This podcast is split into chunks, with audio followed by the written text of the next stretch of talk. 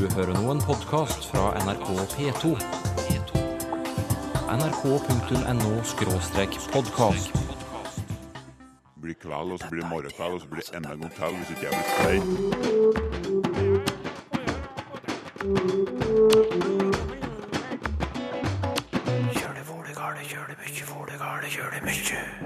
Vi mennesker vil gjerne bli likt.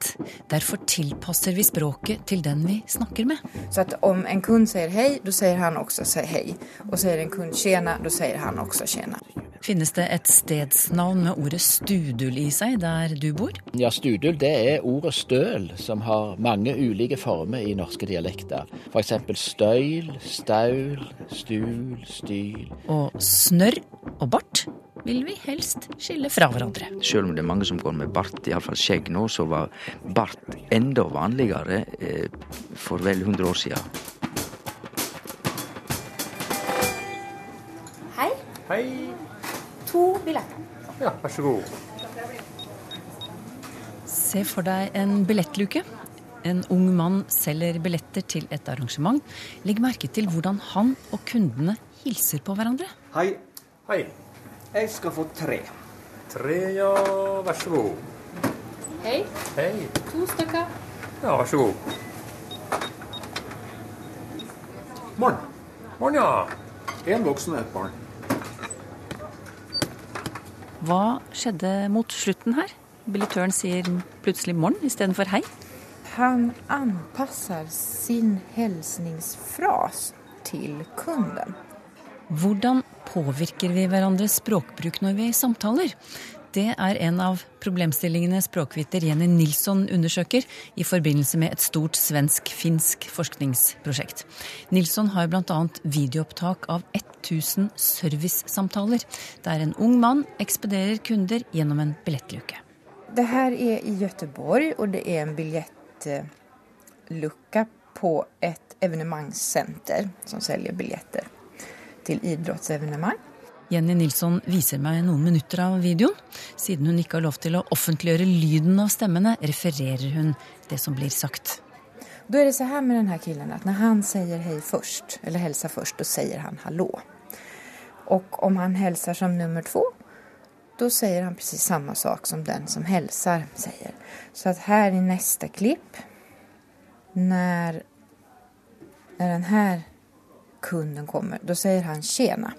Da säger personalen tjena också. Då är det så här att i Sverige, så i det svenska materialet, så kan man använda olika former av hälsningsfraser förstås. Men det som är lite intressant är att normalfallet är att man säger hej.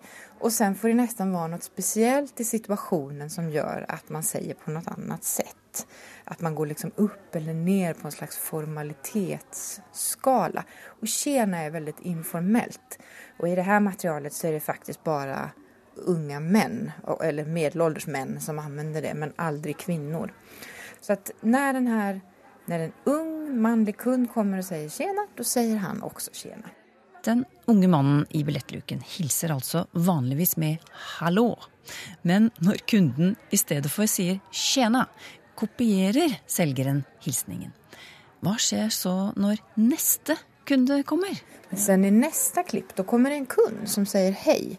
Men han har, personalen har precis pratat med en kund som säger tjena och då säger han tjena. Och då ändrar sig nästa kund och säger tjena. Och så går nog eh, språk... Alltså att språkbruk sprider sig, att språk förändras, det har vi liksom ett exempel på precis just där. Det är lite kärnan i hur folk eh, anpassar sig till dem de pratar med. Så att om en kund säger hej, då säger han också säg hej. Och säger en kund tjena, då säger han också tjena. Men dette du har forklart nå, eh, at, at de tilpasser hilsningen sin til den andre. Ja. Eh, hva, hvordan tolker du det?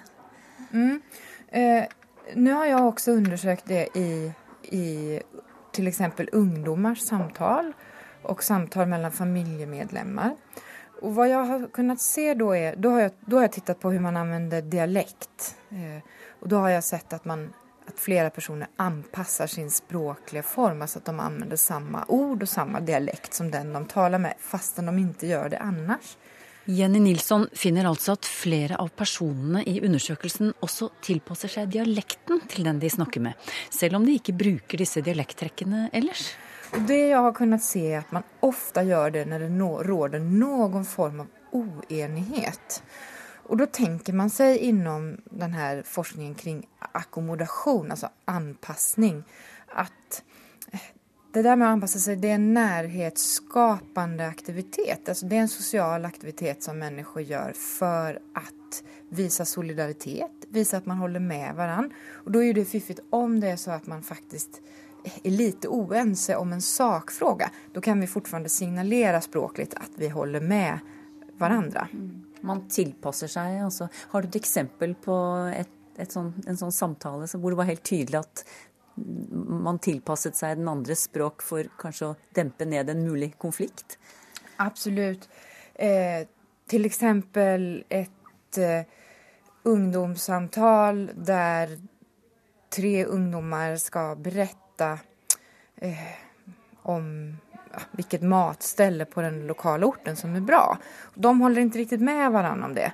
Eh, men en kille som er veldig dialektal, han använder alltid dialektformen bakre R till exempel. Så han sier at det her matstället er rett bra. Eh, Medan eh, hans kompis växlar mellom å använda det standard svenska främre R-ljudet rätt och det här bakre dialektala rätt. Men når han då liksom är oenig med kompisen om hvilket matställe som er det bästa så, så säger han også rett bra. Så han återanvender både uttrykket og formen. To kompiser er uenige. Den ene plasserer r-en lenger bak i munnen, slik kameraten gjør, for å dempe en mulig konflikt. Og Inom sosialpsykologien så mener man at vi gjør sånn for at folk skal tykke bedre om oss. Så at jo, jo, større behov vi har av at noen annen skal, skal tykke om oss, desto troligere er det at vi anpasser oss eh, språklig til den vi prater med. Men så sa du i begynnelsen noe om at uh, dette viser oss, sier oss noe om hvordan språk spres, mm. eller språktrekk spres. Hva, hva, ligger i det? Jo, men så her tenker jeg meg det at um, når man taler om hvordan språkforandring går til, så tenker man seg at det går i noen ulike steg. Eh, og det første steget er jo naturligvis at mennesker møtes eller har kontakt. Og da tenker man seg så her at eh, Låt oss si nå at du använder eh, bakre R, du säger rätt, men jeg sier rett. Og da, når du har pratet med meg, da sier du rett også. Du anpasser deg til meg i denne situasjonen. Men sen så kanskje du går og prater med en annen kompis, og da begynner du anvende det her rett i den situasjonen også. Og da har du tatt med deg det. Og det er liksom neste steg i denne språkforandringsprosessen. At man tar med det til en situasjon der andre ikke anvender det. Og et siste steg i denne språkprosessen er at man, eller förändringsprocessen er at man, eh, at flere og flere begynner å anvende det og at det faktisk skjer en forandring. At nå går plutselig alle rundt og sier rett i stedet for 'ett'. Det sa Jenny Nilsson fra Institutt for språk og folkminnen i Göteborg. Jeg traff henne på en språkkonferanse i Oslo tidligere i vår.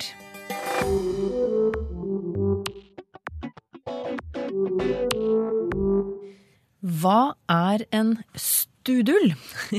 Det er lytterne Mette og Einar Rosenquist som spør. De forteller at på Lesja har et par lokalkjente karer laget et lite kart over et skogområde som brukes som turterreng. Og på dette kartet dukker ordet studull opp, f.eks. Hansstudullen. Men hva betyr studull, spør Mette og Einar Rosenquist og fortsetter. Det er nærliggende å tro at det er en seter, men det finnes ikke rester av bygninger på disse studulstedene. Og dessuten brukes ordet seter ellers i området. Vi kjenner heller ikke til at ordet støl eller støyl er i bruk her. Navnegransker Inge Særheim, hva er en studul? Ja, studul det er ordet støl, som har mange ulike former i norske dialekter og i norske stadnavn. For eksempel støyl, staul, stul, styl, stil, stødel og studøl. Ja, og, og, hva, bare for å få det helt på plass, hva er en studul? Ja, det er, det er da brukt om uh, seter eller støl, støler i 10 500 navn, cirka. Altså en plass der det har vært seterdrift Ja. og te temporær bosetting. Men ordet er òg brukt om plasser der en har mjølka buskapen ute. Altså om plasser der det ikke har vært bosetting. Men, men nå forteller eh, lytterne våre at de har, de har verken hørt om Studul eller Støl i Lesja-området. Vi sier seter, skriver de, så hvordan henger det sammen at dette, at dette er en, en seter, denne Studulen de refererer til? Ja, Lesja det er et grenseområde, kan en si, mellom vest og øst. Og der finner en faktisk både ordet seter og støl brukt i seternavn. Og her eh, bygger jeg da på Olav T. Beito, som har studert denne navnetypen.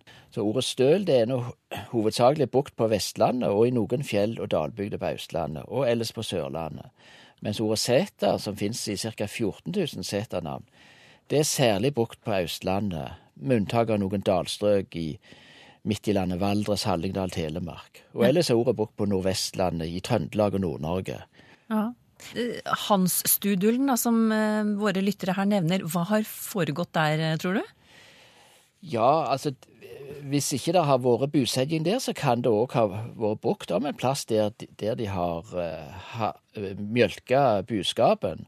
Det er en, en bruksmåte som en kjenner fra andre områder. Ja, Så det, det kan være derfor ikke, de ikke ser noen tufter, ingen rester etter eh, gamle Ja. bygninger. Eller at, at en rett og slett ikke ser det, men det har, har funnes der.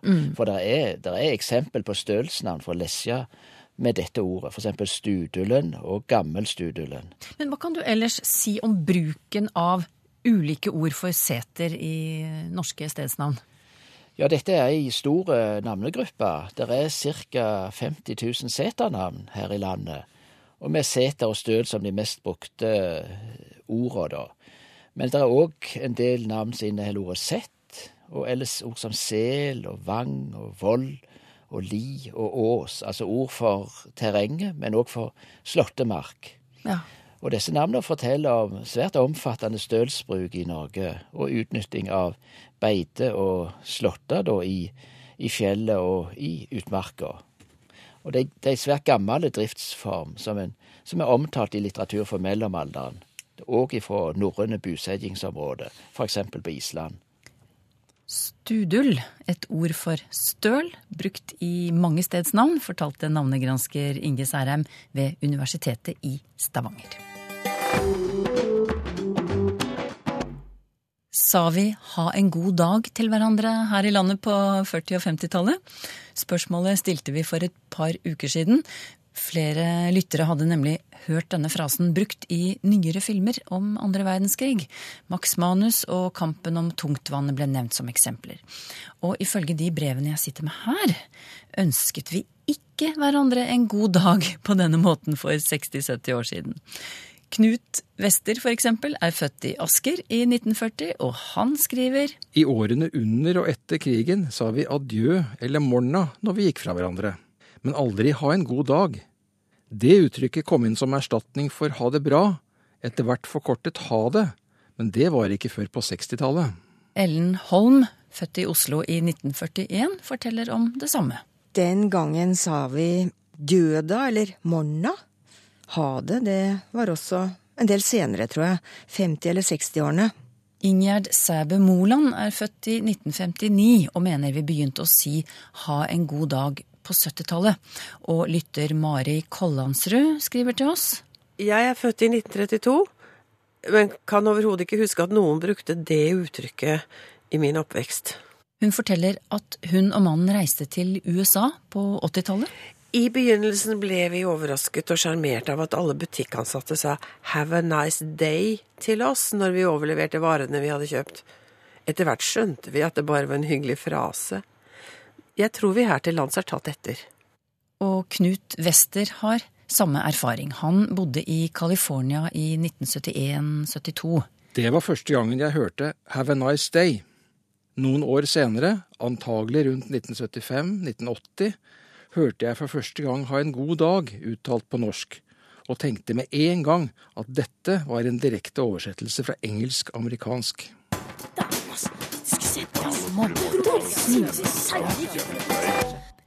Snørr og bart. Det, det blir det nå, Sylfus Lomheim. For lytter Finn Andresen ønsker en forklaring på uttrykket 'å skille snørr og bart'.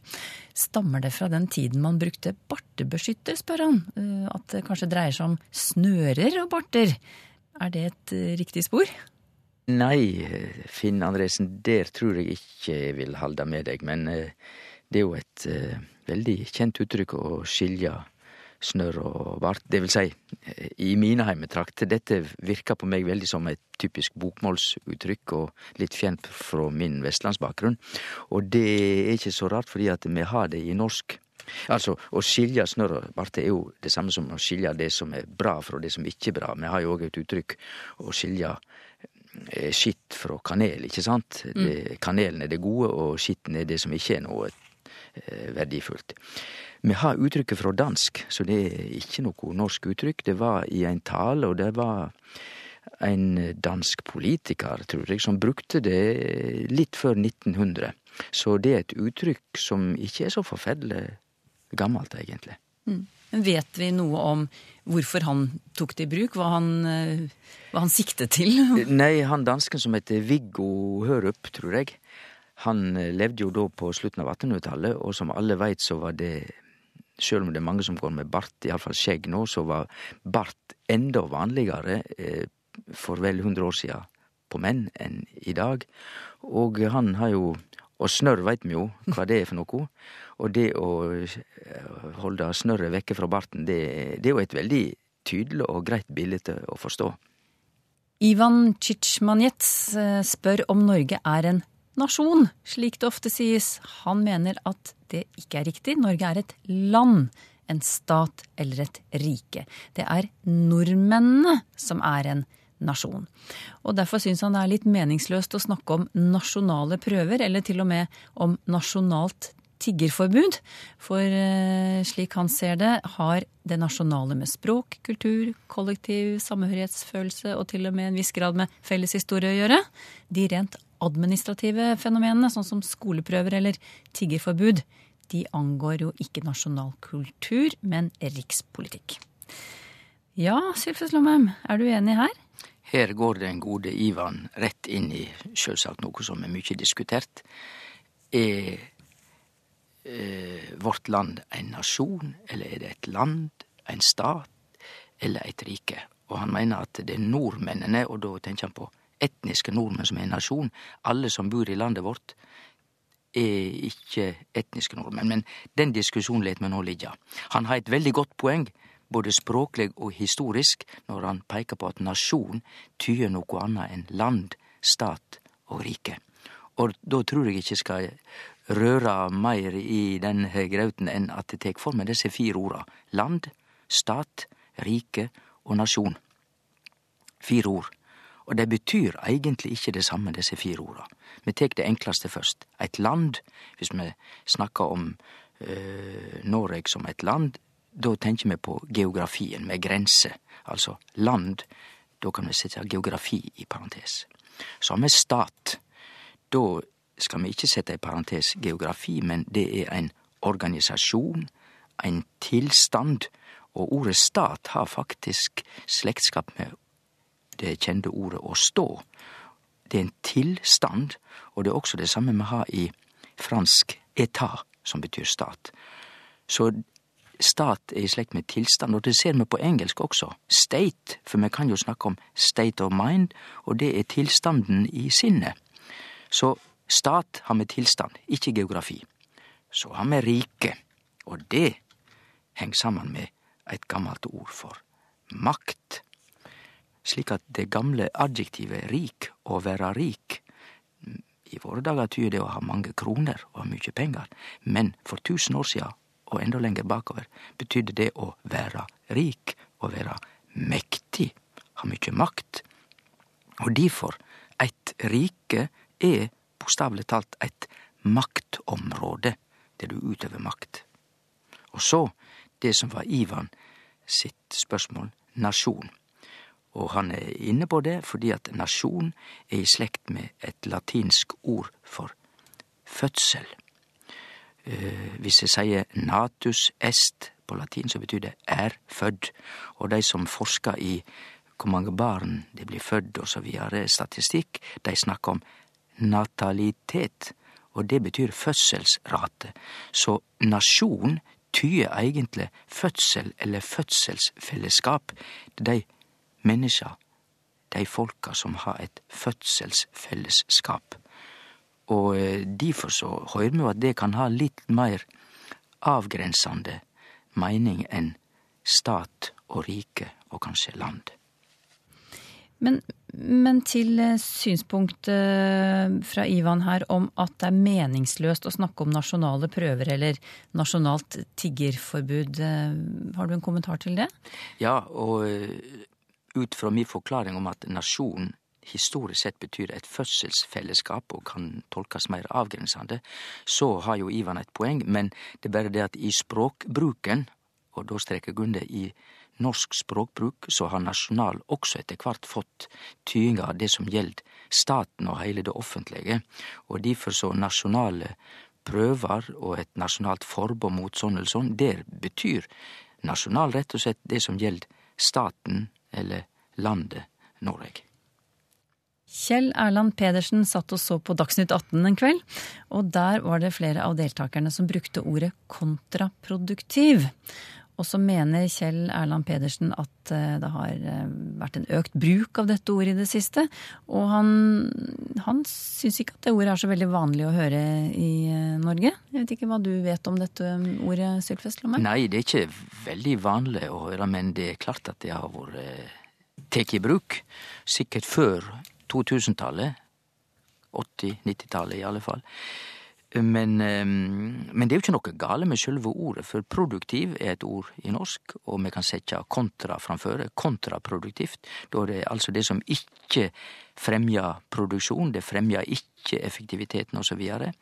Men sjølvsagt, jeg som språkmann, folk blir ikke overraska over at jeg sier at det, det er jo ikke noe skup av et ord, det går jo godt an kanskje med fordel å bytte det ut med, med andre, litt mindre sånn pompøse og lange ord som dette. Men, men ordtypen er gjengs, og vi har jo det gamle ordet i musikken kontrapunkt, som er bygd opp på samme måten, og vi har i politisk debatt og historie kontrarevolusjon, som er bygd opp på samme måte, så det er ikke noe gale med ordet. Men det er ikke tilfeldig at vi leiter forgjeves etter dette ordet i til dømes bokmålsordboka og nynorskordboka. Vi treng det ofte ikke. Bodil Kvalevåg sender oss et utklipp fra en artikkel i Bergens Tidende og lurer på hva vi synes om formuleringen å holde seg i nærheten av skinnet. Og her kommer et lite utdrag fra artikkelen. Når de fire partiene neste uke igjen skal møtes i Nydalen for å snakke ut og slikt i kjølvannet av Sandberg-skandalen, vil noen av aktørene nok tenke at det var et mirakel at det tok så lang tid før man kom til dette punktet. Og så kommer eh, det hun eh, vil vi skal reagere på. Fremskrittspartiets nestleder holdt seg jo iallfall i nærheten av skinnet i nesten halvannet år før det smalt. Du og du. Det faste uttrykket er jo å holde seg i skinnet, og her syns jeg journalisten og journalistikken skal få flere roser av oss enn fordi at dette er god journalistikk, det er kreativ språkbruk. Journalisten har tatt det faste uttrykket å holde seg i skinnet, som betyr å, å liksom passe på å ikke gå over streken, men holde seg i skinnet. Og så har journalisten leika seg litt med ordbruken der, og på den måten formidla et innhold på en elegant, nydelig måte, å holde seg i nærheten av skinnet. Mm, han klarte veldig nesten, flott. Ja, nesten å holde seg i skinnet, men ikke helt. Dette er god journalistikk, og god språkbruk. Hilde Sinding skriver til oss.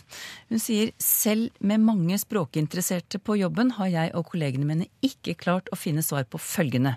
Hva kaller man den gruppen ord som tar utgangspunkt i et navn eller en person som knyttes til en spesiell hendelse eller egenskap? Hun har et par eksempler. Eh, En quisling. Det er et åpenbart eksempel, skriver hun. Men vi har også hørt Yoko Ono brukt på samme måte. Altså en som får skylden for at noe splittes opp. Oi. Har du eh, funnet ut av dette, Sylfest Lomme? Ja, og det siste med Yoko Ono, det hadde jeg ikke hørt, men jeg forstår jo det. Nei, det er et interessant fenomen, og de fleste kjenner til det. Quisling, som svikar, går jo tilbake til personkvisling, og hans navn, selv om det er skrevet med QUIS videre, det var jo egentlig et stadnavn eh, ifra, Telemark. Og eh, vi kjenner det igjen i mange norske stadnavn. Kvissel, som betyr der en bekk eller ei elv deler seg i to og renner sammen igjen, så blir det ei bitte lita øy. Det er det som er en kvissel eller en kvittel, egentlig. Det er meninga til navnet. Men fenomenet at navn kan bli til et fenomen, det er internasjonalt. Og et av de språka i Europa som virkelig har mange av dette, er fransk. Giljotin, som jo er et instrument for å halshogge folk, det skriver seg fra legen som konstruerte dette. Han heter Guillotin. Og vi har jo sjåvinist. Det har de fleste hørt om. Det skriver seg fra en soldat under Napoleon som heter Chauvin. Og han var så opptatt av det nasjonale at det ble et uttrykk på fransk sjåvinist. Og vi har jo silhuett. Det kjenner folk. Det er fra også en franskmann. Etienne de Silhouette, han var en minister. Og, og så videre og så videre. Jeg skal ikke trøtte med flere dømme, men dette er et internasjonalt fenomen. Og når det gjaldt å finne et ord for dette fenomenet, så ble jeg veldig i stuss, altså. Jeg lurte på om vi hadde det i det heile tatt på norsk. Og vi har jo heller ikke noe velkjent ord for det, men det er et fagord som er likt da i både fransk og engelsk og norsk, ikke uventa, og det er antonomasia. Antonomasia er fagordet for dette fenomenet når eh, eh, et ord går fra å være et navn til å bli et allmennord. Hva, hva betyr det? Nei, eh, anto er jo førestavinga, og nom, asia, nom er jo navn, høyrer med. Så kjernen i dette ordet, nom, er jo nomen, altså navn. Jeg tror det får holde. Har du spørsmål til Språkteigen? Skriv til Teigen, krøllalfa nrk.no, eller til Språkteigen, NRK P2, 7005, Trondheim. Så finner du oss også på Twitter og på Facebook. Om en uke skal mange skoleelever holde 17. mai-tale. Og vi vil avslutte denne talen med å oppfordre alle, både store og små, til å ta godt vare på byen vår og på hverandre. Gratulerer med dagen! Hipp hipp hurra! Hvilke fellestrekk finner vi i slike taler? Språkteigen neste gang.